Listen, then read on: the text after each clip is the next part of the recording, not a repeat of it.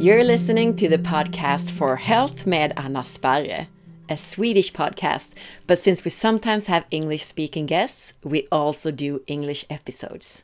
This is the English version of episode 322. It's an interview with Dr. Shania Sieber about mold and mycotoxins. In this episode, we're talking about a real culprit in many persons' health problems mold and mycotoxins. Mold has many different ways of making us really sick, and worst of all are probably the mycotoxins. What symptoms and diseases are often linked to mold exposure? How does mold invade your body and even settle in it? How mold imitates other diseases and therefore can be difficult to detect. How do you find out if your health problems are caused by mold? How is mold connected to candida and other gut dysbiosis? How does mold affect the health of your cells, your mitochondria, your brain and nervous system, your DNA, and your gut? And of course, we talk a lot about what to do about the problem if it turns out that mold and or mycotoxins are making you sick. And you'll learn about Shania's own journey with mold exposure. Hear about her symptoms and how it almost killed her, but also what she did to get well. For Swedish listeners, the previous episode, episode 322, is the main episode. That version of the interview has Swedish summaries and explanations to help you understand this subject even better. Naturshoppen.se is kind enough to sponsor this episode. They carry great high quality supplements and a lot of food based products without additives, such as cod liver oil, mineral salts, and whole foods vitamin C. Use the discount code SPARRE, S P A R R E, at nyttoteket.se, the discount code SPARRE20 gives you 20% discount. I use MCT oil and Nordic berries from Nyttoteket, and they carry high quality collagen and bone broth. You can find more information if you go to forhealth.se or facebook.com slash forhealth.se or go to Instagram where you'll find me as A Sparre, A-S-P-A-R-R-E. Please like the post about this episode on Instagram if you like the podcast, and share the episode on Facebook and to a friend. And don't forget to leave your review in iTunes. Thank you and enjoy the show.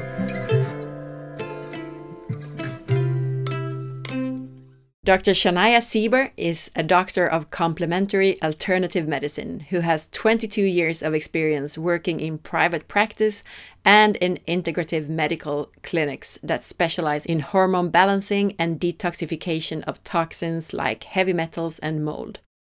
Shania, welcome to the show. Hey, thanks for having me. First of all, tell us about your background. How did you end up being an expert in mold and mycotoxins? Well, I didn't plan to ever be an expert in mold and mycotoxins. And if I could have a conversation with the universe, I'd probably change that part of my life because uh, that was a university of life experience, unfortunately. But my background previous to that was uh, I studied a degree in medical homeopathy in South Africa. And postgraduates, I've done I've, basically completed naturopathy a few times over. So, very much into the medical realm, but treating people with a naturopathic model. So, not using medications, but rather using lifestyle, uh, supplementation, food choices, sleep, relationships, etc., in order to get the body to heal itself if it if it's been exposed to something terrible like a mold. Um, the body has this beautiful ability to heal with the right information. So, so that's my background.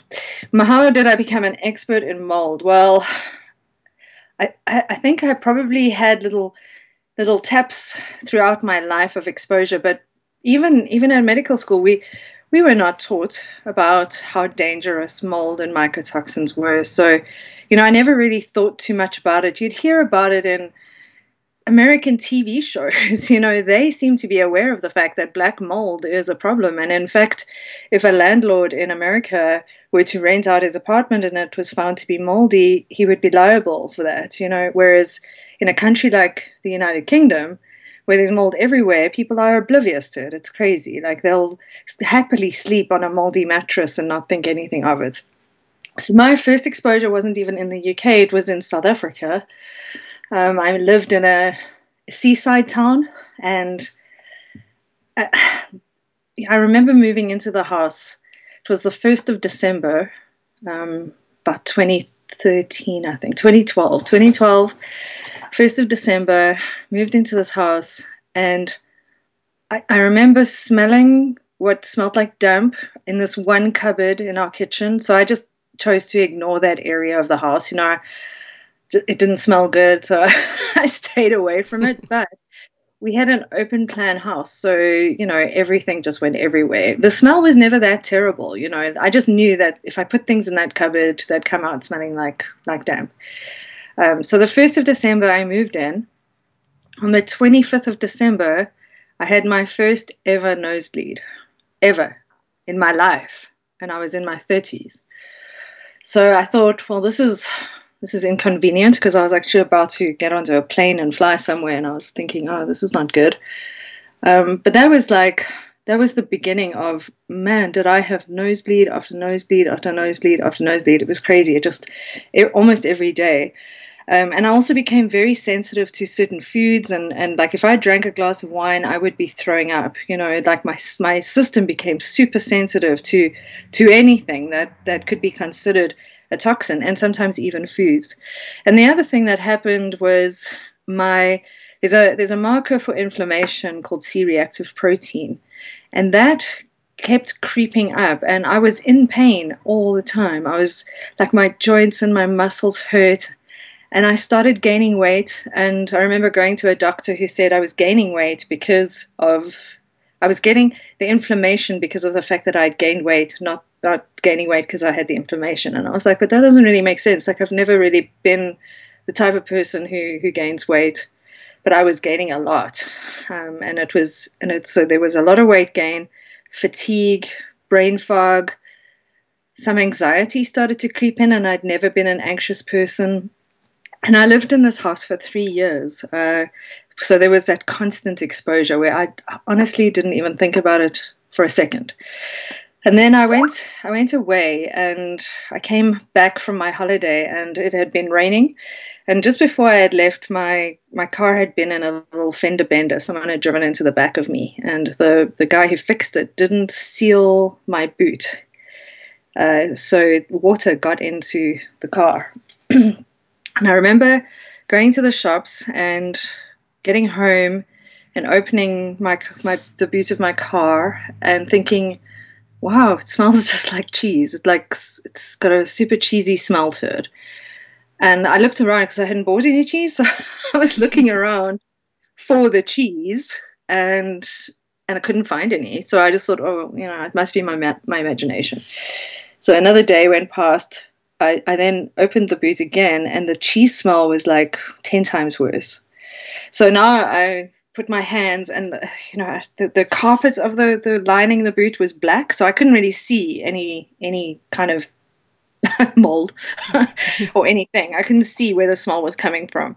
But there are these little wells in the boot where you know people store things, and I put my hand into the one on the left hand side, and I pulled out what used to be a magazine, but it was actually just the biggest mold colony you've ever seen. It was just black mold, uh, like being held together by tiny pieces of paper. You know, that's how that's how this mold had eaten this magazine.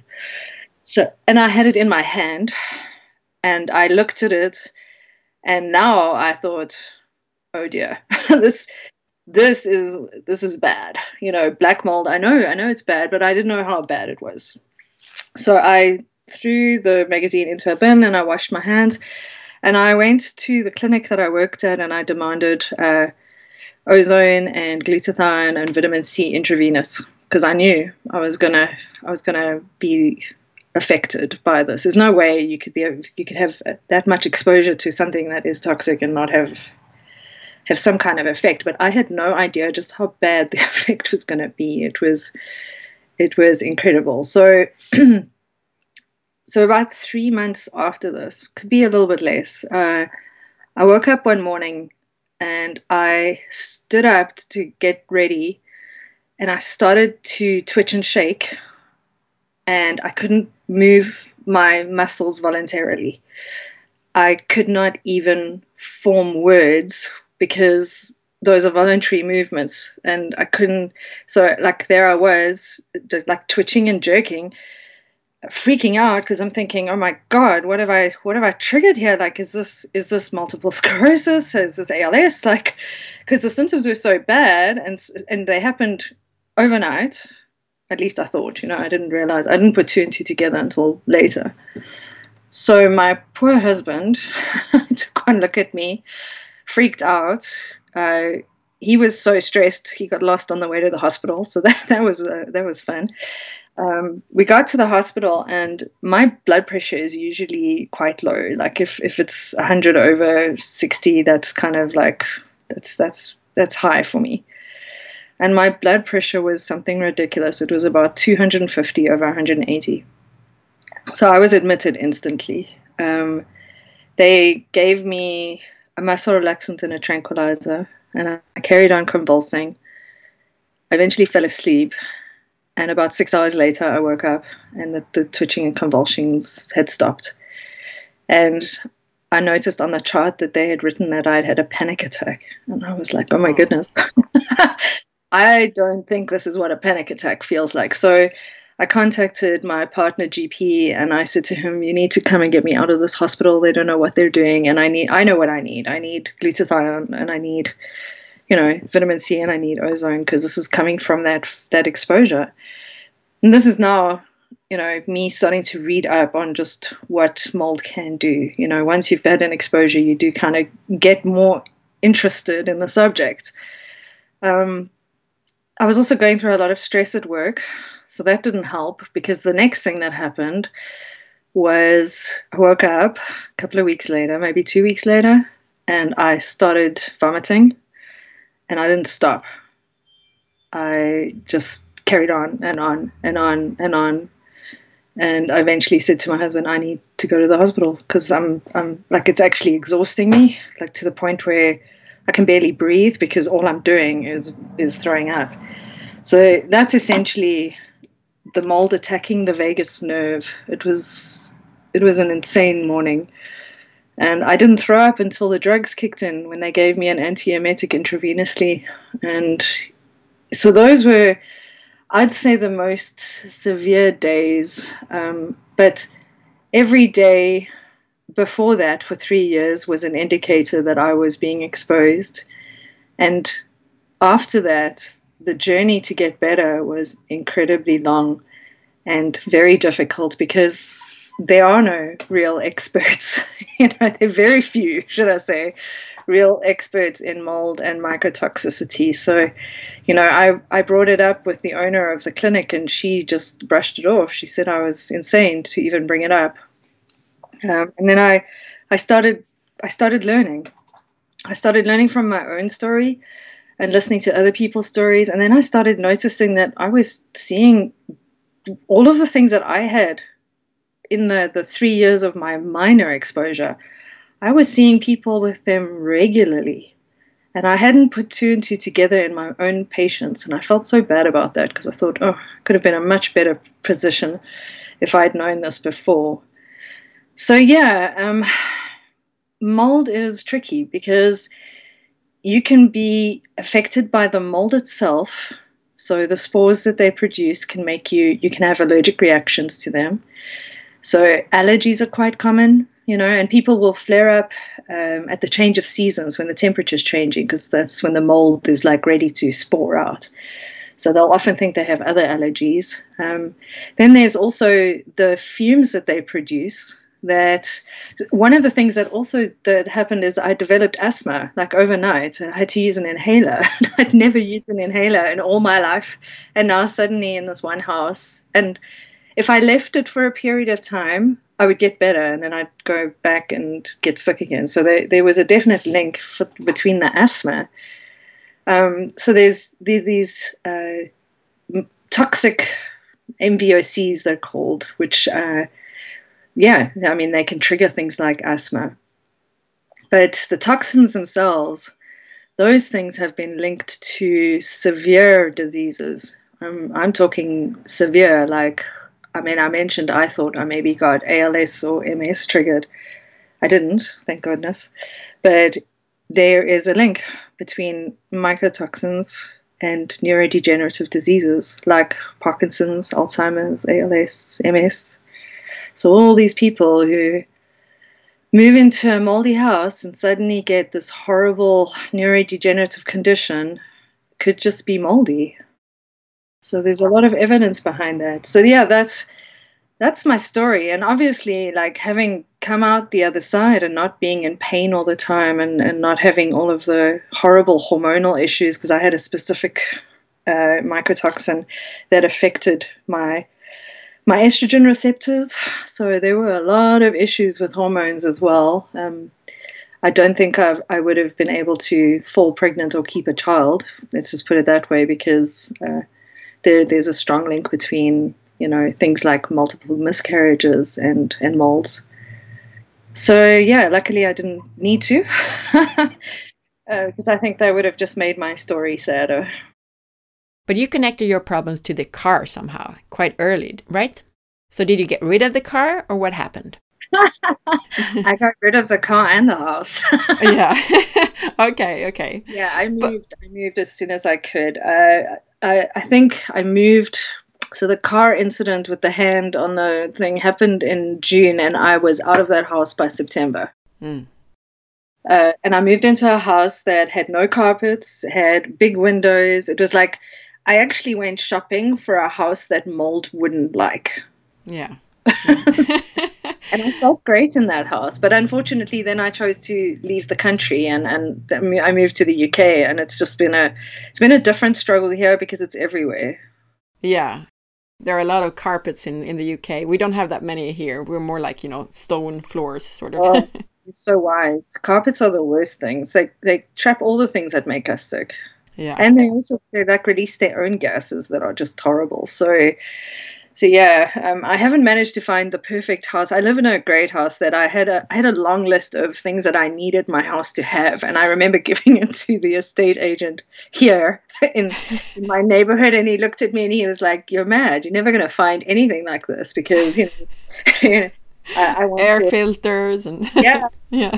I, I wanted big windows or doors that I could flush. The, you know, I wanted lots of doors so that you know that's the thing that you need to do. If there's mold in the area, you have to flush it out. You know, um, but I walked into this house. This was the last house on my list of houses to look at, and I walked in, and a little angel started to sing because there was on the uh, downstairs. There's no carpets. There's, there's a small carpet in the one living room, but you know it was great. I walked in and I was just so happy. Lots of windows, lots of big opening doors.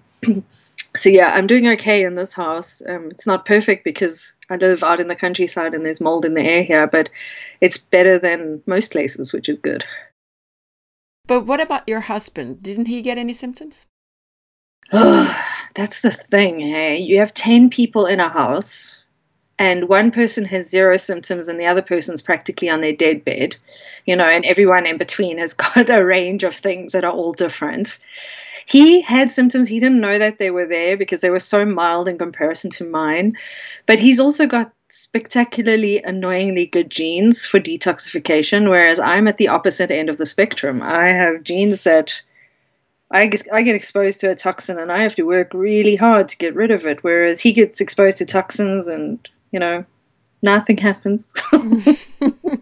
yeah. He notices it now. Like, um, if I'm if I start to flare up, like um, the first thing that he'll notice is is I'll I'll get itchy, and I'll say to him, okay, we need to do something because the room's got it's got too much of an expo. I'm being exposed too much, and he'll notice then that he's developed a symptom. So only now, um, after 10 years that he realized that he also gets affected by it, but he doesn't get affected on the same level as I do. But do you believe you're more sensitive now since you were exposed so much in the past? I don't just believe it. I have proof on paper. Um, so we can run tests to check your immunological response to, to about 16 different molds. So we look at IgE, which is whether you're allergic. We have IgG, which is past exposure, but also can produce like, it feels like you're allergic as well. If, if, if the IgG is strong enough, you're also still allergic to it, even though it's more of an indicator of past exposure. And then IgA, which is your body focusing on that current uh, exposure. And my IgG are all in the red. and most of them are threes and fours. Four is like your maximum level. So, you know, one and two is not so bad. Three and four is pretty bad. That's where you can still have an anaphylactic reaction to the mold if you're exposed to it. So yeah, I I'm more sensitive thanks to this massive exposure that I had. That did nearly kill me twice. I mean, I was hospitalized twice. Um, I did feel like I was going to die, that's for sure. And yeah, I still have. I mean, I test that that exposure was 20, 2015, so it's a long time ago now, and I still have massive amounts of immunoglobulins. You know, they've come down very slightly, but but they're still there. Yeah. Well, lucky for us, you you're now an expert in it though, so we can learn from it. So thanks Absolutely. for that. I, I went through that so that you never have to. exactly. Hopefully, yeah. We will get into how you actually got better, what you actually did about it, apart from moving and, and getting rid of your car. Yeah.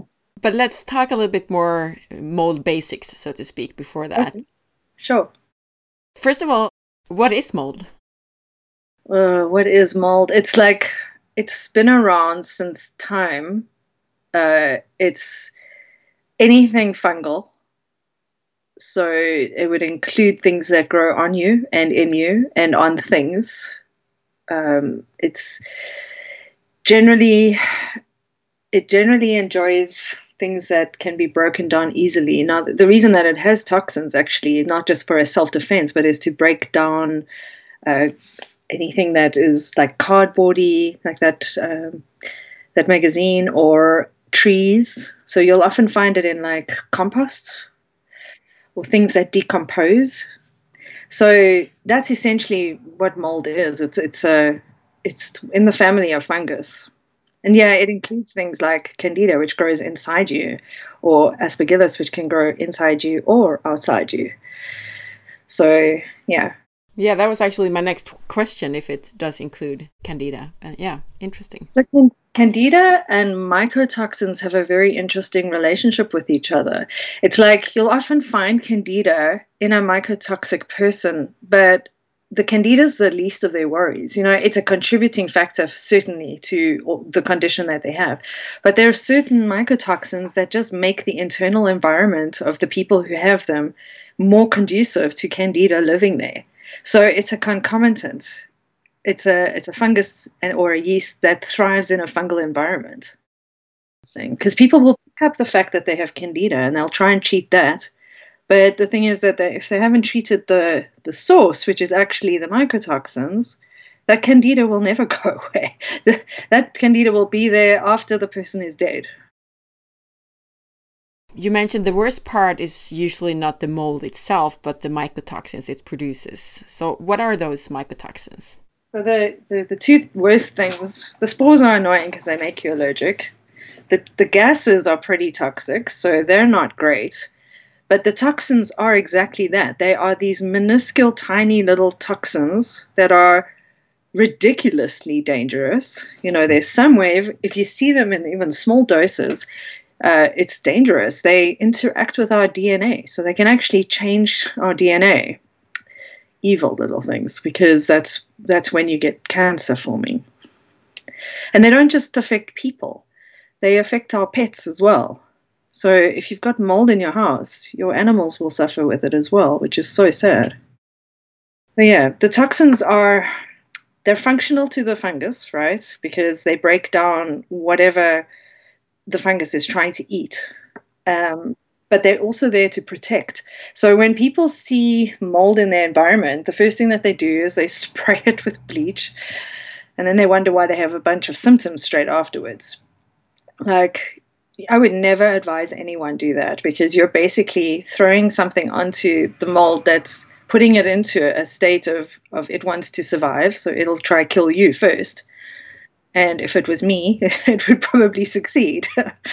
um, but yeah, if you're going to be cleaning mold, you got to. I, I joke that you kind of have to be in a hazmat suit, but I'm kind of not joking as well. But I mean, a, a, lot of people get a little mold, like in their bathrooms, for example, just, you know, on the walls, not really, you know, I would say not really digging into anything, but just because of some dirt and some moist. And shouldn't they take that away themselves every time they clean, or how, how, how should they handle that? The problem is if there's a little bit that they can see, there is a heck of a lot that they can't see. Mm.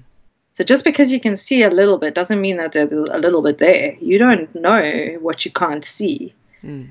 And that's the thing about mold. Uh, I mean, mycotoxins are so tiny, they'll come through paint. So I know a lot of people will try and paint over walls that have got mold, but all they're doing is hiding it. They're not getting rid of it and it can actually live on the other side of a wall. In fact, I've even seen cases where it isn't even their house that is making them sick, it is their neighbor's house, you know, or someone across the street. Wow. Because, it, you know, they're, they're tiny little things, they travel. And if you're unfortunate enough to have them in your environment and uh, they get into you and you don't detox them correctly, um, you know, they'll make you sick. And it's sometimes not even your own house. So that tiny bit that you have is literally the tippiest tip of the iceberg.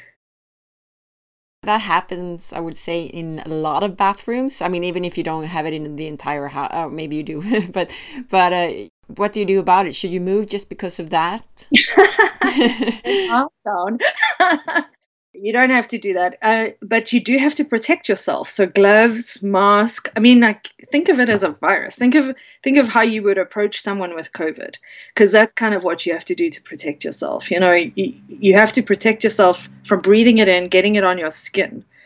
Okay, so you can you can spray, but then you also need to clean the air. So you need to either use ozone. Ozone's a great way to kill uh, things. So you can check on ozone generator in there. Just make sure your pets are not anywhere near it because if you're using any kind of ozone to kill mold, you probably kill plants and animals as well, and some people.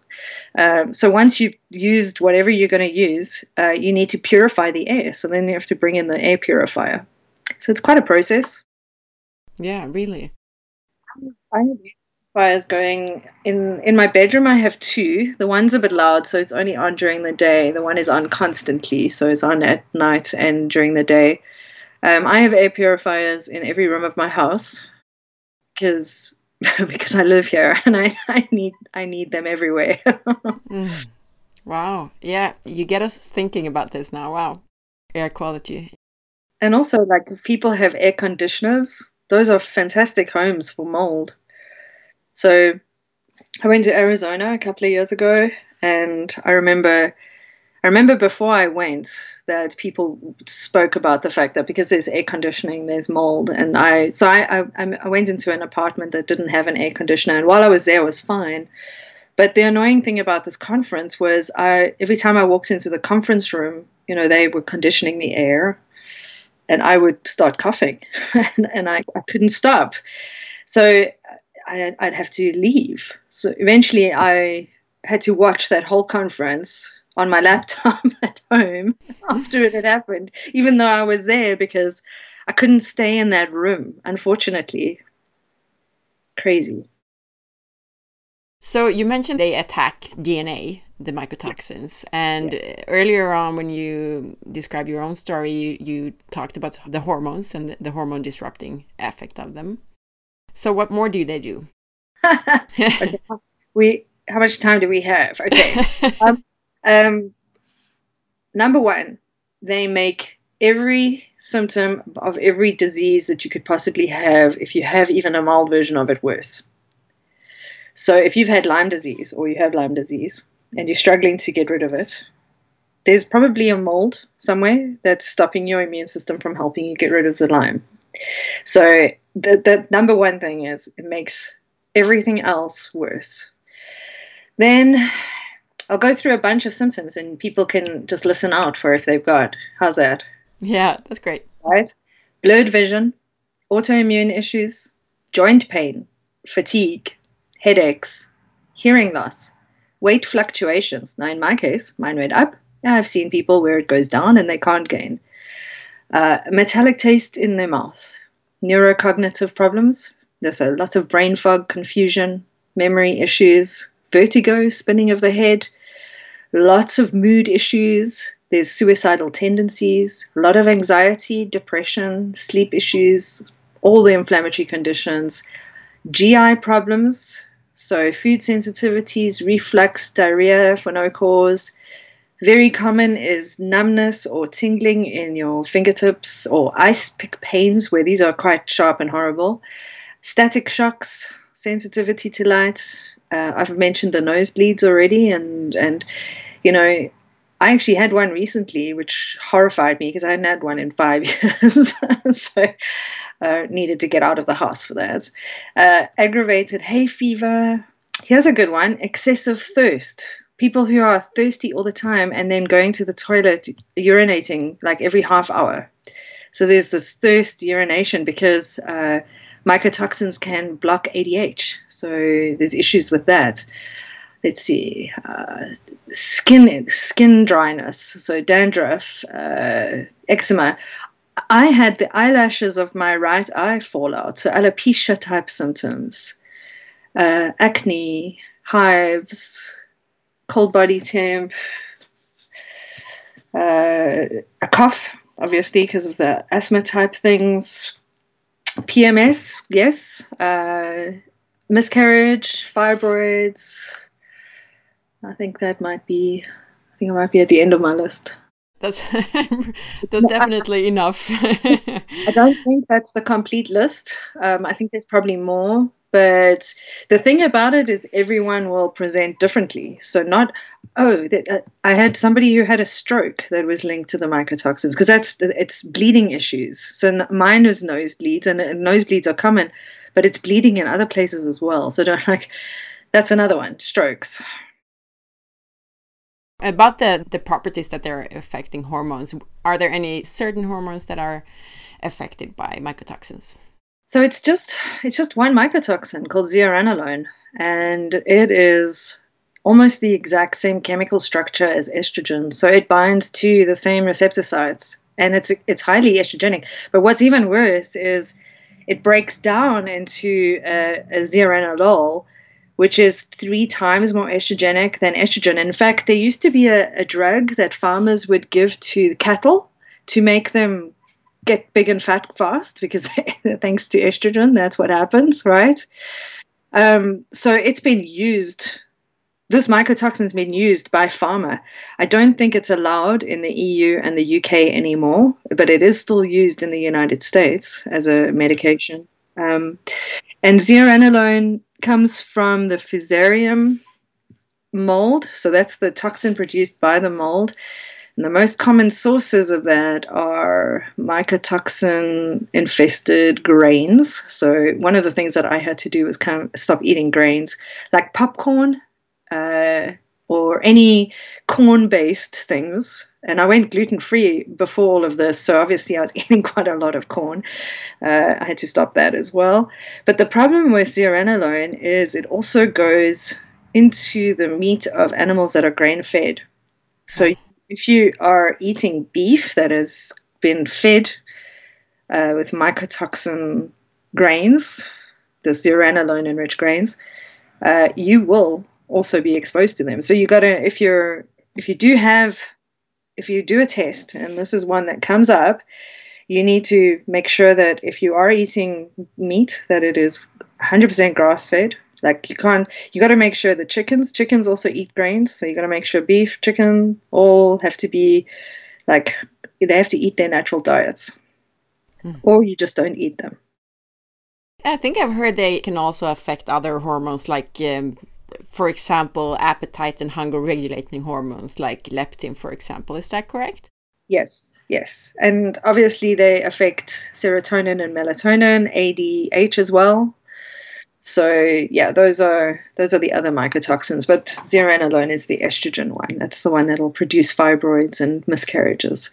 But yeah, I mentioned the ADH with the excessive thirst as well. Yeah. But yeah, I think I think the the on off switch for hunger being affected is it didn't happen with me, but it, I I do think it does happen. Yeah.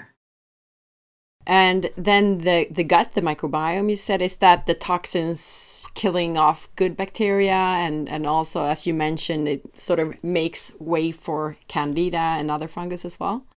Yep, there's a very strong link between mycotoxins and dysbiosis. So, because they are antibiotics, you know, they are going to kill off. And, and unfortunately, in the case where they're killing off the good things, the bad things thrive. So, so yeah, dysbiosis is very common. Mm. Those mycotoxins, I heard you say they accumulate in the body. Yeah. What happens with them in the body? I mean, could you describe that further? Well, they're they're extremely small and they're fat soluble, so they'll go into fatty tissue and nervous tissue. Nervous tissue is essentially a modified fat tissue. So, yeah, anywhere you have fats or nerves or muscles, they'll go into those as well. yeah they'll pretty much be hanging out anyway. But yeah, the thing about them being uh, lipophilic, so they go into fat, is if you are losing weight, you have to be careful at the rate at which you lose it because if you lose it too fast and you release too many of these toxins, you can make yourself sick. And I've seen that happen as well. I've seen I've seen autoimmune triggers from people trying to lose weight in the wrong way, but they're also mycotoxic. So they lose weight fast and then become autoimmune. Hmm. Wow. But yeah, it's, it's also why there are a lot of neurodegenerative and nerve like symptoms associated with mold and mycotoxins. I just want to highlight what you mentioned before that the issue is that even if you kill the mold, you don't get rid of the mycotoxins. No, they can stick around for 10 years and you can't you can't destroy them with heat or cold. so you mm. can't freeze them. You can't burn them yeah, they you can break them down with ozone, but uh, I mean it's a spectacularly huge amount of ozone that you have to use. But yeah, the mold could be gone, but the toxins will still be there, and they they'll go into furniture. Like I had to get rid of all my books. All my books are now online because books are mold food.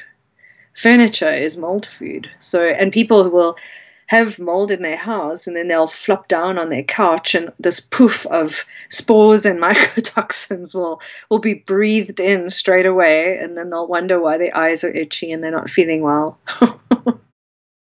I think in Sweden a lot of houses don't have as much mold as it as for example in the UK. I think so, but of course we have those houses here as well yeah. I think the, the issue is more you know smaller yeah if there's a leak anywhere or, or the bathrooms as i mentioned and so on. Yeah. But yeah wow. We really need to think about this. So a big problem because once you've got water damage if you've got any kind of uh, decomposable material be it wood or cardboard or anything and, and people make house, houses out of strangely compostable things these days um, the mold will settle in and it won't move out. And you might and you might not even see it. It might be hidden behind something or in your ceiling or something, but it, it'll be there. And then you mentioned there are there are different effects. It's the the allergenic effect and so on. Um, I think I heard you mention that there they are different kinds of molds, like mycotoxin producing mold, or allergenic mold, pathogenic mold, or are they the same but just have different effects in different persons? Uh, they're about sixteen and seventeen if you want to call them pathogenic because they produce mycotoxins. There are also molds that can get, that are pathogenic because they can inhabit our environment. You know, us as human beings. You know, like the the mummy's curse. Those guys who went into the to, Tutankhamun's tomb, and they all died. They died of mold being that was growing in their lungs. So aspergillus mold. So, but yeah, they also produce these volatile compounds. So, I mean, it's just however they want to hurt you, they've got a way of doing it. Well, yeah, it's just overwhelming. Sorry. you mentioned a lot of symptoms um, yeah. of exposure to mold or mycotoxins. From your own patients, what are the most common symptoms you see? There's a whole batch of them, but I tend to look for, I don't tend to look for one or two things. The patterns are different per person. That's uh, that's what makes it difficult to spot if you're new to it. But if people have skin issues and neurological issues and aller- allergic issues, no matter what they are, those are the indicators that I'm looking out for. And if you add something like bleeding, you know, either through their nose or, you know, excessively uh, with their periods or things like that, that's another indicator where I'll be like, okay, I have a high suspicion. Um, but the, the, the problem with mold is that it's always so vague. You know, the people just feel unwell. And it's a it's it mimics everything, like literally everything. So it can take a long time for someone who's not looking for mold to find out that that is their source of their issues. But yeah, um, those would be the main things that I would be looking out for. And if I start to see the patterns, you know, if they've got severe anxiety that appeared overnight, along with uh, tingling in their fingers, I am going to be thinking mold. I'm also going to be thinking B12 deficiency, you know. so it's not like I'm I'm all mold all the time. There there are differential diagnoses that I'll look out for. But yeah, if I as soon as I have a suspicion, I will test for it. Speaking about symptoms, you mentioned sleep disruptions. What happens to sleep? What kind of sleep di disruptions? Are there any specific? So the thing about mycotoxins is they affect melatonin in two ways. The first way is they they, they stop the production um, by interfering with ADH, which has a knock on of actually interfering with melatonin production. Uh, so there's a reduced manufacture of melatonin. But melatonin is also a very potent antioxidant, and mycotoxins are very pro-oxidative. Uh, so there'll, there'll, be there's a lot of oxidative stress. So the the glutathione system will be taxed, methylation will be taxed, but melatonin is also taxed. So if I'm looking at at a, a batch of test results and I'm seeing a high need for glutathione and very low melatonin along with you know some inflammation there i'm looking at clinically not just symptoms there i'm going okay i really think that i need to find the mold in this person because because it, it does affect melatonin in those two ways and it's definitely taxing on the glutathione system glutathione also it, it helps us detox but it's also an antioxidant so, in your body trying to save itself from these horrible toxins, the antioxidants get sapped quickly. So, yeah. So yeah, the, the people just don't sleep. I mean, I remember being awake for weeks. And how do they, the, the mycotoxins, how do they affect mitochondria and energy? Uh, they they annihilate your mitochondria. They are because they're pro-oxidative. Um, and they're super toxic to the mitochondria itself. That's why fatigue is one of the big things that people see, or brain fog, because they just don't have the energy to think correctly, right? So they're not just taxed by, by the toxin itself. Mitochondria get damaged by, by mycotoxins.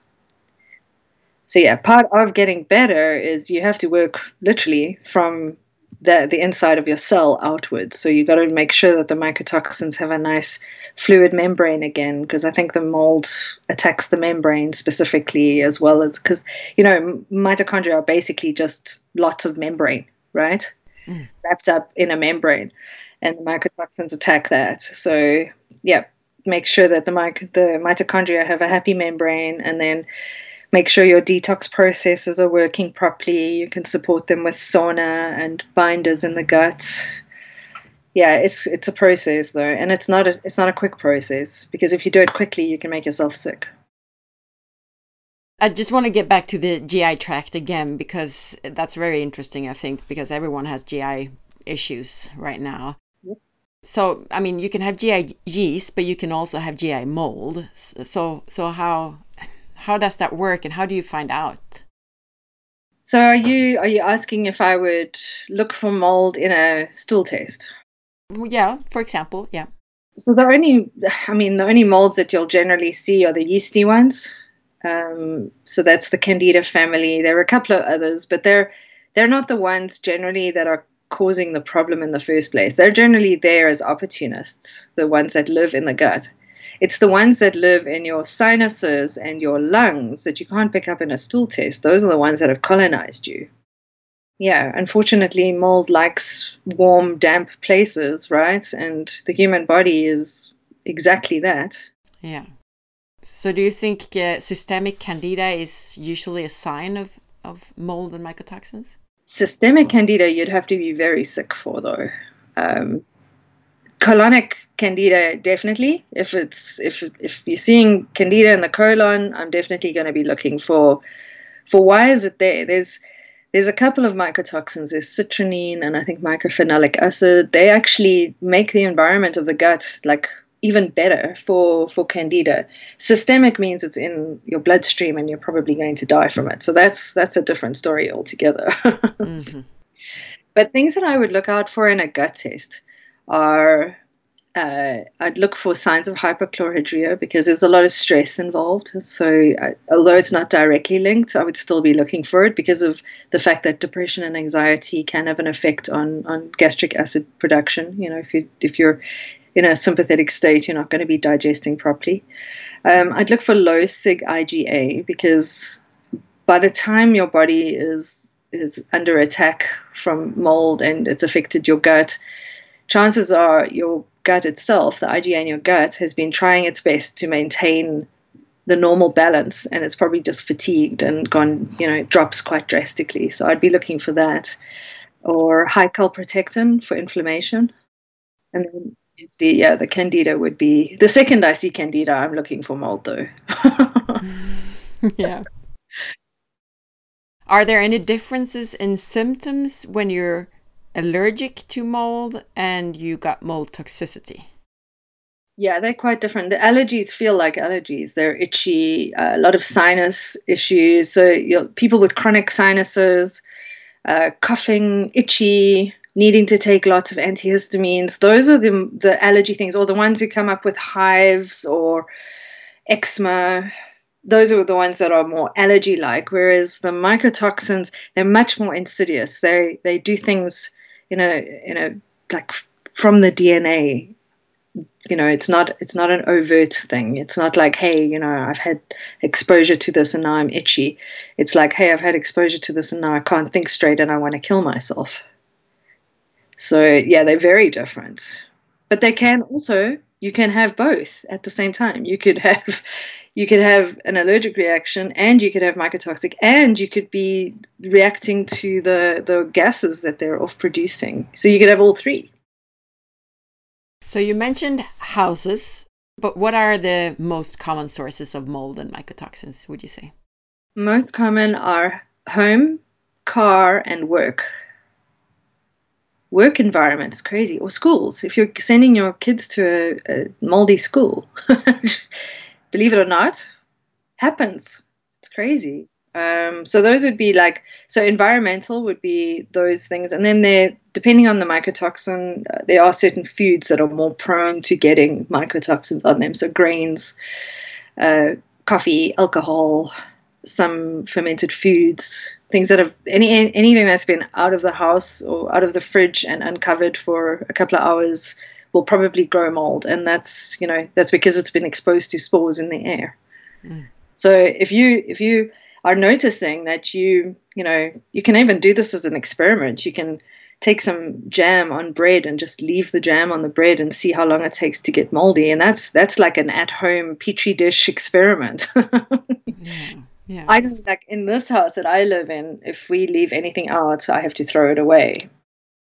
What I've noticed is that some organic foods get bad more often than you know non-organic foods, like beets, for example, like uh, red onions. I've had that issue with those. What, what do you say about yeah. that? Should you avoid organic foods, or how do you how do you do? no, you don't avoid them, but you do learn how to wash them. okay. So, uh, like you can wash them with fairly acidic water, and that tends to at least get some of the fungus off, if not the mycotoxins themselves. So, washing and peeling. However, if there's a lot of mycotoxin, you're not going to. It's it's then it's in the flesh of whatever you know, as I already mentioned. Um, but yeah, I would still buy organic. I'm not going to tell people to go and eat pesticide-ridden food in order to avoid the mycotoxins. Um, but the thing about being on a mycotoxin-free diet is you've got to know which mycotoxins you have in you, because then you can then you can sort of weed out which foods those fungi that produce those toxins are more attracted to, and then you can just avoid those for a while. You know, but food sources are not the major sources. I mean, you'd have to be eating a fair amount of of toxic grains and meats and coffee. You'd have to be literally eating them all day, every day, in order to to have the amount that we can actually just get from our environment, breathing it in, living in it but what I'm thinking about is what happens. I mean, if you have some, you know, mold, some spores in the fridge, uh, I just remember being pregnant. You know, you you get much more sensitive to everything when you're pregnant, and I thought the the fridge. Eh, no one else could smell it, but I just felt like the fridge was smelling all the time. I tried to, you know, I spray it. I did everything, and I, it came back. And then I was thinking, are there, you know, spores growing somehow in the fridge? Oh, yeah. yeah, they grow in the fridge. They grow in your washing machine. They grow in your dishwasher. Um, there are some things that you can put through it. I think boric acid or borax is something that you can put through, uh, like you can clean your fridge with that and your washing machine and your dishwasher. There are things that you can do, but anything that's that's wet and warm is going to be a problem if you in a moldy environment. So you're probably right. There are definitely moldy fridges. You know, I'm sure there are tons of people who've accidentally left something at the back of the fridge and it's turned into this green hairy mass, right? Mm. Mm. It, didn't, it didn't happen because it was living in a sterile environment, that's for sure. yeah. yeah.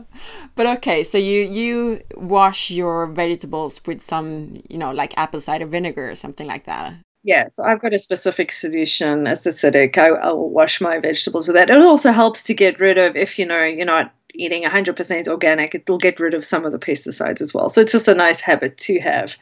Um, but yeah, uh, I eat a fairly paleo lifestyle. Like I eat very well sourced uh, meat and fish, and then I try to grow my own vegetables, but I'm really bad at it. I, think, I think if I was surviving on my own vegetable patch, I would be dead a long time ago. So, uh, but we've got a, a, great little farming community where I live, and you know, we, people will grow stuff organically and then share in the in the community. So you know, I, I mostly don't shop a lot for vegetables. Just eat local and yeah, whatever's seasonal. I heard that too. That you could put some some uh, acidic, like some some vinegar or something, in the water to to get rid of some pesticides. But do you need a lot? Just to be practical to the listeners, how do you do that? Uh, I don't think you need a massive amount of, say, vinegar, like maybe a couple of tablespoons in your bowl. It's not a huge amount, like you're not pouring neat vinegar onto well, once you. it might get a bit costly.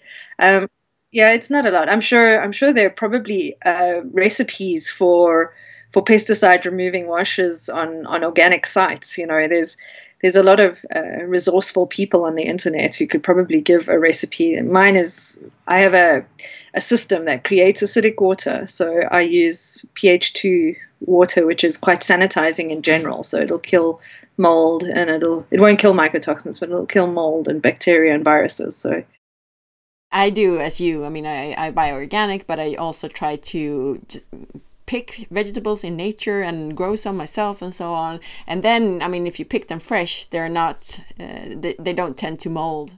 Yeah, absolutely. On the other hand, I mean, some things like um, like late winter, if you buy some root vegetables like um, uh, carrots, for example, they've been stored, and then sometimes, I mean, if you buy like a, a bag full of organic carrots, there's one carrot which ha oh. has some black dots on it. What do you do then? Is it enough to you know peel that one or throw that one away and, and wash the others, or how do, how do you handle that? So I guess that would also depend on the person. Like I can't afford the risk myself because I'm so reactive. Uh, so if something is sitting moldy, everything around it gets thrown away as well. So I'm, but I'm I'm extreme that way. Not everybody has to be. Um, like there are some molds that are not dangerous. You know, not every single mold is dangerous. I, I know it sounds like every single mold is out to kill you, but there are some that you know just grow you know, and they're just fluffy balls, and that's all they are. And you know, we've even got medication out of some of them. Yeah. um, not all of them are bad all the time. Like uh, I, I, recently did a, a, mold course, and you know, on this course, they were saying, you know, if you see this particular looking fungus on, on a vegetable, all you have to do is cut it, cut that part off, and you'll be fine. Cut and wash. I mean, it's hard for me to wrap my head around it purely because I almost died from the reactions that I had. So I, I have a different perspective and outlook. But for the average listener who hasn't had my life experience, you know, if you have a little bit of mold on something, you're probably okay just cutting it off and then washing the rest of it. Hmm. Are there any foods you should always avoid or that you always avoid? So I avoid grains um, just because the, the studies done on mycotoxins in general are done on agriculture and it's grains that are always the source. Um, when I was extremely mycotoxic in those three years before I moved out of that house, um, I started to react to coffee, which was a shame for me because it's like my favorite drink. I would I would drink a cup of coffee and I'd actually start to shake. Um, not different to the shaking you get from caffeine. It was it was yeah just horrible. Um, so I stopped drinking coffee. And obviously, one of the major sources of ochratoxin is is coffee. So I now source mycotoxin free. In other words, it's been looked at in a laboratory before it comes to me. Uh, coffee that lives in my freezer and it doesn't get exposed to anything until it gets made into a drink for me. And I have zero reactions to that. Um, I have a very fancy coffee machine that grinds beans and whatnot, but that's my husband's. He he uses that uh, because unfortunately, anything that is constantly wet is going to grow mold at some point. And I've had to clean that machine out a few times, and I've seen I've seen the, the startings of what could be a colony. So um, my coffee is made differently to my husband's. It's sourced differently. wow. So, yeah. yeah. It, again, you've got to know what toxins you're trying to avoid because you, you can't just avoid everything. You'll you'll die of starvation. Yeah. When you say grains, do you include seeds and nuts in that? Nuts, yes. They're very prone to mycotoxins. Seeds, I don't know if I eat a lot of seeds. I'm trying to think if I. Like sunflower or pumpkin seeds? I'm not somebody who seeks those things out, but I do eat buckwheat. That's the only like grainy thing that's a seed uh, that I that I do eat, but I eat it so infrequently. I've just learned how to live without it. But yeah, um, I think I would put seeds into the same category as nuts because aflatoxin is attracted to those sorts of things. It's mostly attracted to peanuts, so I don't eat peanuts or peanut butter. I'm asking because I think most of the listeners are actually having some kind of paleo lifestyle. So when you don't eat wheat and, and flour and those kinds of like bread and pasta, you usually eat more nuts and seeds and maybe you use like almond flour or something like that. So that's why I'm asking. So I've not gone that way because unfortunately, uh, a lot of nuts are they have their own toxins. So if you're eating a lot a lot of nuts, you're putting different toxins into you, even if you don't put in mycotoxins. Um, so I haven't really eaten almond flour or any of those alternatives. Like al- alternative food doesn't really appeal to me. Um, but I hear what you're saying. Like it, it is something you know, the second you tell someone they need to be gluten free, they're looking on how to make muffins out of something that isn't a gluten free. yeah, exactly. Like, yeah, well, that's probably also something you need to avoid, but that's a conversation for another day. yeah, but I totally agree. It's better to stick to real food. Yeah. Absolutely. And I just find like I'm happy with meat and vegetables, you know. Yeah. Um, I, I was quite sad to hear that wine is quite commonly full of mold, and so you know limiting that, not getting rid of it completely. I'll just sauna. Gotta have some balance in life, you know? yeah, I guess you need to make your choices. Yeah. Exactly. There are actually foods produced from mold, like green and blue cheeses. What do you how how do you view them? So the funny thing is, when I when I was in that moldy environment, I couldn't eat cheese. I reacted instantly and horribly to it. Um, that blue cheese, uh, it contains one of the toxins that we look for in our tests called mycophenolic acid. It's the it's like the the least toxic out of all of them, but and it's also been used as a medication for so it suppresses the immune system. So they give it to people who've had organ transplants and things like that. So I look at moldy cheese, blue cheese, and, and I will eat it once a year because I absolutely love it with like a poached pear. And I'll even throw in some walnuts that day because I'm feeling brave.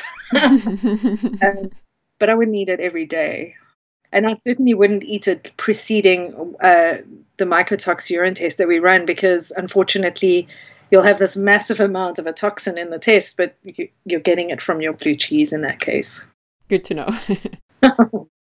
As we're speaking, you're mentioning different kinds of mold and mycotoxins. We don't have time uh, and shouldn't go through all of them, but uh, could you just tell us some basics about that? Okay, so let's go through the different molds. How's that? Um, so there's a lot of them. Uh, we're not going to cover most of them, but I've mentioned, let's see, Fusarium already. Uh, there's aspergillus, which is quite common in wet buildings. Uh, there's Stachybotrys, and then there's a bunch that I can't pronounce. um, but yeah, Candida would fall into that. So I can, I can. There's uh, there's a big group of um, fungi called Penicillium, I'm really only mentioning a few right now. There's quite a few. There's at least 16 that we test for. Uh, penicillium is quite common though, uh, which is why I'm mentioning that. It's the one that grows on citrus fruit in your fruit bowl. So I don't know if you've noticed, like your, your, or if you like me, you'll buy fruit and it'll eventually just die in the fruit bowl because I'm not. yeah, no, I notice it on my organic lemons. They yeah. they often get destroyed by that. So that's penicillium, and penicillium produces a couple of mycotoxins. Uh, so if you see it, you don't need to like leave your house or uh, you, just have to clean the fruit bowl, obviously. Um, but yeah, it produces citrinin, which is a real problem because citrinin is the one where if you even have it in small doses, it can it can affect your DNA, so penicillium in large doses is, is a class A hazard toxin. So it produces the volatile compounds. Uh, it produces citrinin, ochratoxin, mycophenolic acid, and a whole bunch of other toxins. Um, so in my house, if I see it, I do things about it, but you need you need a fair amount for it to be toxic to most people. But yeah, certain molds produce certain mycotoxins. Let's just see, where else do you find penicillium? Um, penicillium is, is quite different to penicillin, by the way. So people who test, like if they do the expanded mold panel that we run, which looks at the immunological reaction to these fungi, um, they'll ask if they are allergic to penicillin because they have an allergy to penicillium, but it's not the same. So penicillium like I've said, loves citrus fruit. It's the one that'll grow on jams. It's generally like a puffy green white mold. Am I describing it correctly? Like if you think of your. yeah, yeah, yeah, yeah. I think of my oranges and lemons. Yeah. it's the one that'll grow on bread. Uh, so bread mold. So when people ask me if I eat moldy bread, well, firstly, I don't really eat bread. Uh, secondly, if it's moldy, it's certainly not getting eaten by me. Um, but it also penicillium also likes furniture. So you you know if you've had it growing if you have it growing in your environment and it's decided to fall in love with your couch, that's a bigger problem than if it's decided to grow on a lemon because you're exposed to your couch every day. I mean, I've had somebody who I said to her, I'm, I seriously suspect you have mold in your house. And she said, No, not a chance. And I said to her, Please, please, please, will you look for it? Just have a look, you know, you know, look behind your curtains, look behind um, any pictures on your walls, and then flip your mattress and see what's there. And there was mold in all those places. there she was sleeping on a moldy mattress. Wow. I know, it's horrible. Now I feel like I need to go check all my my cushions and mattresses and everything. Yeah. yeah. If you can smell it, it's already too late. So I, yeah. Do you still have that fridge? no, actually, I, I haven't. So that's good. And I could only smell it as I was pregnant. That's your body on high alert. exactly. Exactly. Which mycotoxins were the problem for you? I can actually pull up my most recent. So zearalenone was through the roof. I'm just going to pull up with my result. Ochratoxin, uh, mycophenolic acid, zearalenone, chaetoglobosin A, and on the next test, the citrulline popped up. So in my next, because I've done a few of these tests, this was the one that I did, and then I did one three months after that just to check progress. And the chaetoglobosin A had gone, and the citrinin had come up, but it's fine. I, what I'm doing is measuring how I feel in my symptoms, and you know, as long as my symptoms are improving, I know that I'm on the right path. And I know you've mentioned that ochratoxin A is one of the most common ones. What's the usual source of that? Ochratoxin would be water damaged buildings, uh, coffee, uh, all the things that I like to eat. so wine and coffee and peanuts. Yeah, wine, coffee. Let's just see. Uh, I'm trying to think, but it's water damaged buildings would be the main thing. Um, cereals, and then yeah, grapes, wine, vine fruit, coffee. All the things that I would have loved to have eaten all day, every day. So yeah, I haven't eaten a grape in a long time. Hmm.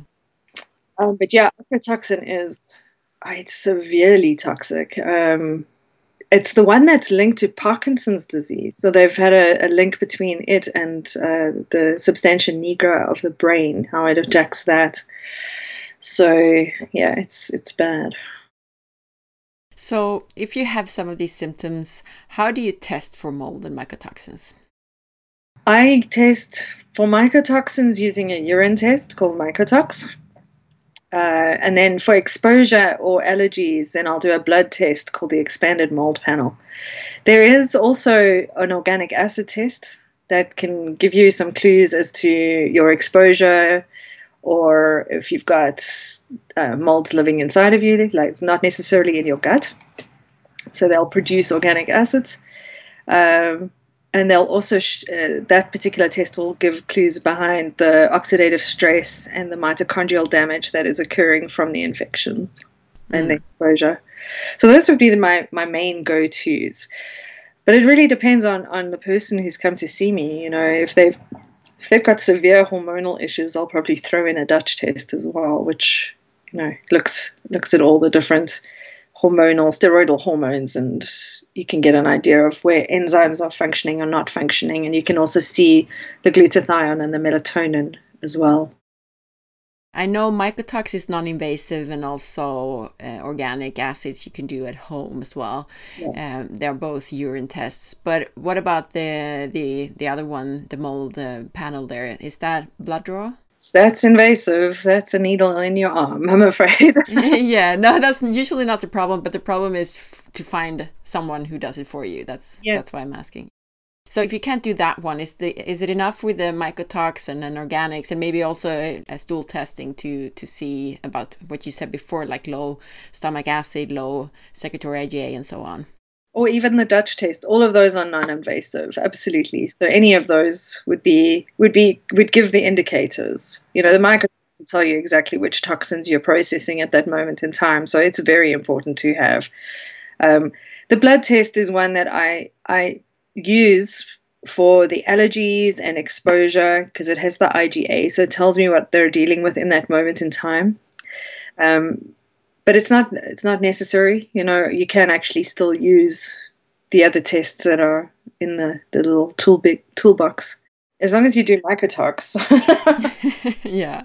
And then you mentioned uh, CRP as well. Is that a good marker? Yeah, that's. I mean, you you can do it. That's. I don't know if that's if we have a non-invasive version of it, but no, no. But you usually get that. I mean, usually your common doctor does that for you without a doubt. I would say. Yeah, There are a couple of good inflammatory markers, but CRP is generally elevated in a chronic inflammatory response syndrome, which is caused by mold. So, yeah, it is a good marker, but so would be ferritin or ESR. So, any of those inflammatory markers, something that you can track is good. You realize that your body is full of mycotoxins. What do you do about it? You cry. you drink your last cup of coffee. Um, no, you don't do any of those things. Uh, what I'll tell you what I did because you know I I invested in my health. Um, you're you're from a Nordic country, so you understand that saunas are important to health, which is fantastic uh, because they are. They are one of the best tools that I can think of for detoxing anything, as well as mycotoxins. So I have an infrared sauna I also have air purifiers and I have a dehumidifier in case anything does get damp. That's that's something that gets put on. It's not on all the time. So there's all of these external things. There's cleaning your air, making sure your environment is safe because it doesn't matter what you do with your body if your environment is still making you sick, right? And then pushing them out with the sauna.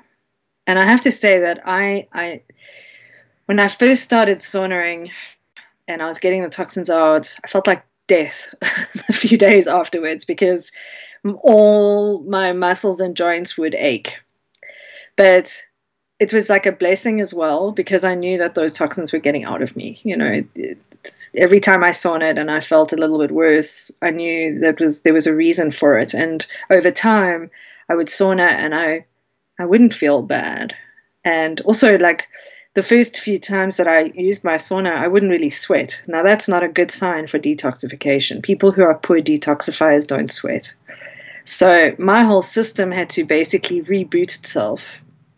So, yeah, definitely using the sauna and then using binders. Um, I did use cholestyramine, which is a prescription medication but it's in it's horrible. so I used it for about six months, and then I was like, I can't actually handle this stuff. It just did so many weird things to me, so I I stopped that. But there are other binders. There's charcoal, um, zeolite, which unfortunately we can't get in the UK anymore for some weird reason. So I've been using a different form of clay. Uh, Saccharomyces boulardii is actually a binder. Um, NAC, so N-acetylcysteine. So there's lots of things that you can use to support the fact that your body has now pulled these things into the gut, but now instead of you reabsorbing them, you actually remove them from your body because that's what unfortunately happens to a lot of people is they go through this whole process of detoxification and then they reabsorb everything from their gut. So there's a lot of that. Calcium deglucarate is fantastic for mold detox. I think glucuronidation is one of the main reasons, ways, phase two detox ways that we detox mold. So supporting glucuronidation, glutathione conjugation, methylation, these are all phase two detox pathways that need support. Um, I did a test and I was also very, very damaged by the oxidative stress, so that I improved my my intake of antioxidants. Um, I don't personally use something called DNRS, but I've used it with some of my really sensitive patients. Um, it's a it's a program of reprogramming your brain. um, it's incredibly time consuming and quite boring, but it is life changing for the people who do it. Um, so I have this one patient that I've worked with for a while who was so sensitive he could not even walk into a shop because the smells would make him violently ill. So any any smell would make him ill, and any exposure would make him worse. Um, and he he's quite he's quite fun because he'll try things, but he's also got an attitude of like I don't really believe anything's going to work. So when it does work, he tells me about it, and he he he actually offered to buy me a, a, course of it, but I was already feeling so much better that I, I, I was like, I don't really need it. You can, why don't you get get it for someone else, or you know, do something for someone else, pay it forward somewhere else. But yeah, he swears by this DNRS. He said he did it for about a couple of weeks, like every day. You have to practice it every day for a couple of weeks, and he said he then decided he was going to go into a shopping center and not only walk through the aisles, but actually walk up to those scented candles that made him violently ill and stick his nose into them and take a big sniff. and he said he felt fine. And I was like, wow, so you got to smell something nice for the first time in I don't know how many years. But he had 22 years of massive exposure. I mean, this man has been his exposure was so much worse than mine. He's the only person I know who's worse than me. Yeah, your your story is quite bad actually. So uh, yeah, I, I can just imagine. yeah, that's the thing. Like I, I, I had a wake up call that was that was huge. And the problem with mold is that most people don't know. They don't have that wake up call. You know, they're in they're where I was at in those first three years, where I didn't know I was being made chronically ill by it. Right. Mm. Yeah. I just have to actually mention because I did an interview with Dr. David Brownstein, yeah. and he um, he actually mentioned that he tested different clays, like three different clays, and they were they were all really high in heavy metals. So he yeah. said, don't use them. Yeah, I'm not a not a huge fan. Thankfully, um, heavy metals were like my that's another podcast. Because i'm an expert in heavy metals as well. Uh, i grew up in a mining town and i was exposed to heavy metals for the first 13 years of my life. So my my 20s were all about me dealing with heavy metals. My 30s were all about dealing with mold. So um so yeah i don't use i use toxaprevent occasionally but i think my go-to nowadays is uh is the the charcoals Okay. Yeah. What should you think about when you're using charcoal? I mean, you sh- probably shouldn't use it all the time and with food and so on because you will probably, you know, bind your minerals in your food, right? Absolutely. Yeah. So the way I do it now, because now I'm so much healthier. So when I when I was binding and detoxing and whatever, food was like the least of my worries. And but I did take my binders at specific times of the day so that they would have less interference with my food. But you can actually take binders with food to mop up the mycotoxins in that food. So occasionally, if I'm feeling super lazy and I, I feel like a cup of coffee from my husband's machine, I will take binders with that cup of coffee. Uh. Yeah. Otherwise, it's like, you know, you do most of your detoxing at night. So I'll I'll take binders when I sauna. I'm never eating around that time anyway.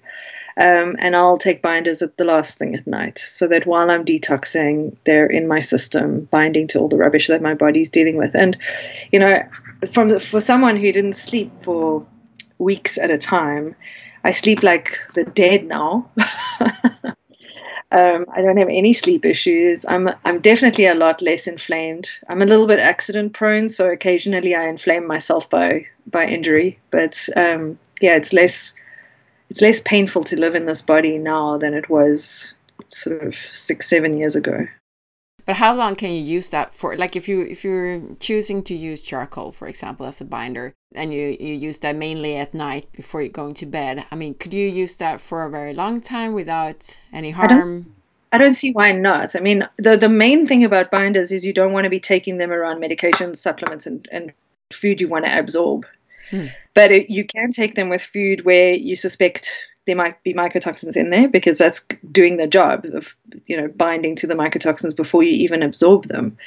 Um, and you can take them away from food without without doing any harm. There's none that I know of at any rate. So you remove the sources. You you can use binders and such, and um, you also treat like the mold and fungus in your body, right? Yeah, uh, that again depends on the person. So there's no one way to treat somebody who has mold. I just want to make that clear because, you know, what works for me will probably make somebody standing next to me with the same symptoms sick because we're all made of different things. You know, we all have different genetics, we all have different capacities for for dealing with these things. So there's some people where even if you give them a tiny amount of glutathione, you'll they'll flare up. They'll get worse not better. So you know how i treated myself and how i treat everyone is going to be different. All right. You've got to you've got to try a little bit of something and then engage the reaction of the person. If uh, if like for example would i give uh, fluconazole to someone who's a poor detoxifier? Absolutely never not not not, not ever because it's hepatotoxic as a drug so you'd end up killing the patients along with the mold does that make sense yeah and even you know you remember that mycotoxins are released by the mold when they're thinking they're going to die so you can go in with very mild. I, I, I would start with detoxification. Definitely, at some point, I'm going to be giving, and, and it will be early days, but it depends on on who the person is, what I'm going to give them, because not everybody can handle everything. But yeah, you, you want to kill the stuff that's living inside of you for sure. And you mentioned Saccharomyces boulardii. Do you think usually people who are sensitive to mold and candida, I mean, they have, for example, IgG and IgA antibodies, do they tolerate Saccharomyces boulardii, you think? So that's a yes no answer because I am sensitive to every mold on the face of the planet and I can take Saccharomyces. However, there are some people who do still react to it because it's a specific yeast that they'll react to. It's not one that I react to, though. It's probably the only one. oh, that's good though. There's something that I haven't actually mentioned that I like. I think it's what saved me is nucleotides. Mm. So I did a, a, an interview with Dr. Peter Koppel, who is the guy who found nucleotides, which are the building blocks of DNA and RNA. And in it, he was talking about what nucleotides did for health, and he started to talk about the study that involved ducks that were fed grains that had mycotoxins in them. And I perked up, you know, suddenly I wanted to I wanted to know more. and um, the, in the study, they fed these poor ducks this horrible mycotoxin grains, and their livers all failed. Like all got I can't remember if they got large or small. I think they were really small, you know, from cirrhosis. Um, and then they took the same ducks and they fed them the same grain and they just added nucleotides and their livers became normal sized again. So nucleotides were like a massive part of my program. And I've never had anybody react negatively to them because they're like uh, missing food, aren't they? Nobody eats offal anymore. So, they yeah. grow them from from yeast culture or something, don't they? Yeah, but there is no yeast in there. Oh. it's just nucleotides. So, you know, uh, yes, they may have come from yeast at some point, but there is no yeast in there. Good to know. You say everyone is different, but then do you mind summarizing the main parts of your own program? You mentioned the nucleotides, of course, and the sauna, but what more? Like, what did you take? Kind of binders and, and so on. Okay, so nutrient wise, I mean, I, I, I still take quite a lot of supplements because because they save me. um, just based on my genetics as well as my my current symptomatic picture, I take glutathione, liposomal glutathione. Um, I take B vitamins, and every time I've tried to go extended times without B vitamins, um, lots of problems come back. So that's never going to happen again. Um, again, based on my genetics, vitamin A, uh, it's definitely improved my eyesight.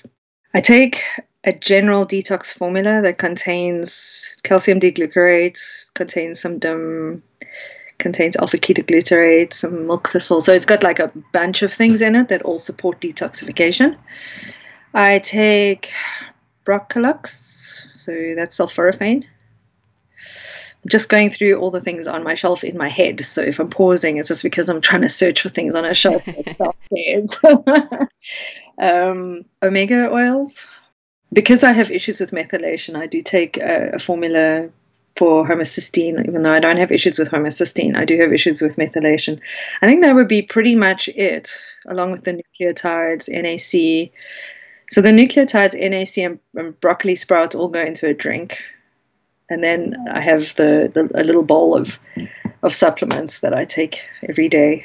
But yeah, they're they're all general uh, detox support, um, and they're they're based on me and my fantastic genes. Do you take these things all the time? So, like NAC and glutathione, for example, and the detox product you, you're using, do you take them all the time, continuously? Pretty much these days, yeah. Yeah, until I get a mycotox that is completely free, I will continue to be on those things. Yep. And when you were at your worst, then uh, you probably used some more stuff, some binders and so on, or some antifungals, or uh, what more did you do back then? When I was at my worst, I was just trying to stay alive. Um, when I was at my worst, I was using a, a product that supported brain health because you know, I felt like I was losing my, my mind. I couldn't remember anything, I couldn't think properly.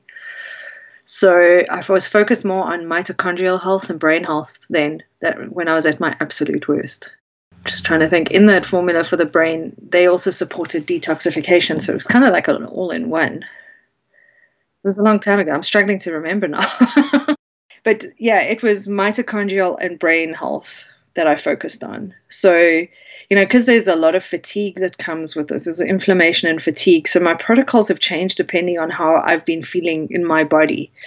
So because the beginning was brain health and detoxification and, and mitochondrial health, that's where I focused, kind of moved um, inflammation. I had to deal with inflammation. So there was an anti inflammatory section.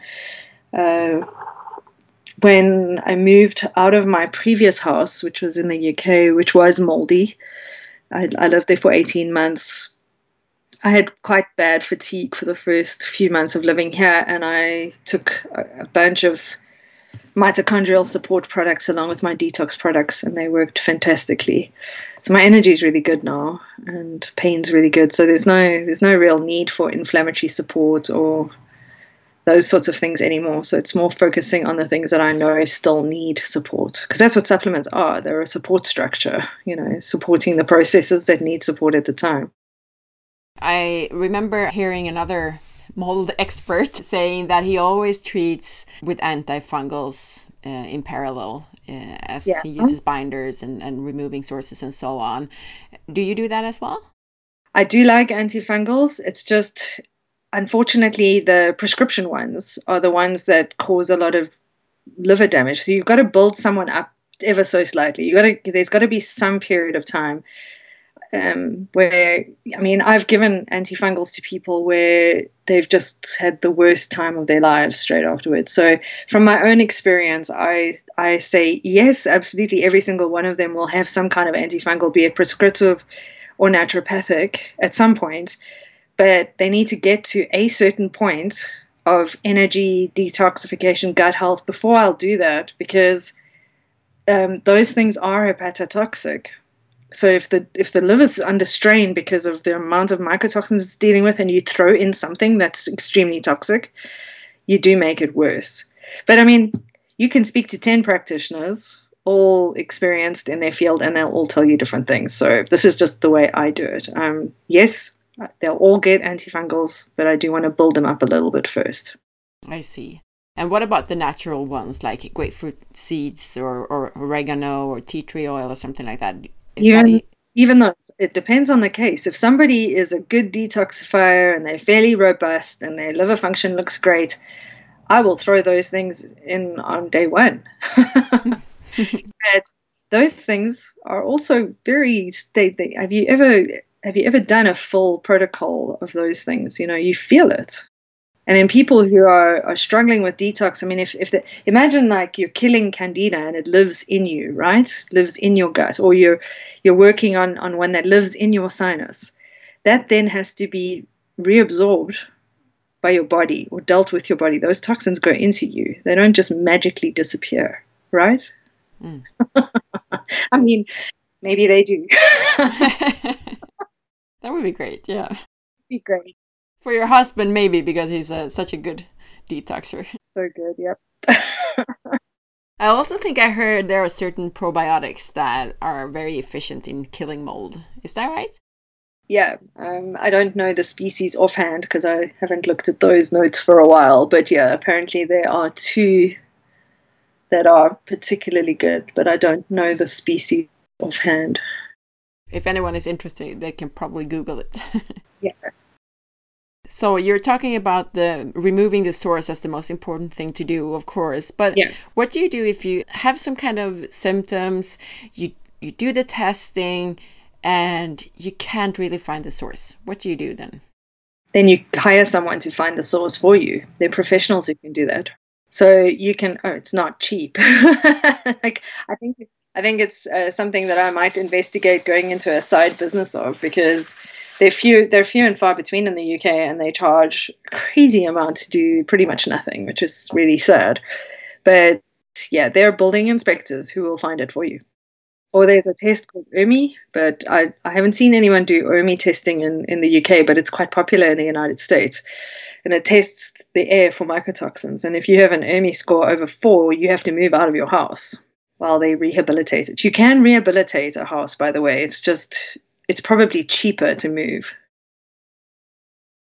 Wow, I've been asking you a lot of questions so far, I think. And uh, so maybe we should sort of sum it up. Can we do that somehow? Just summarize what we talked about? Well, mold is ubiquitous, which means it's everywhere. It's older than time itself.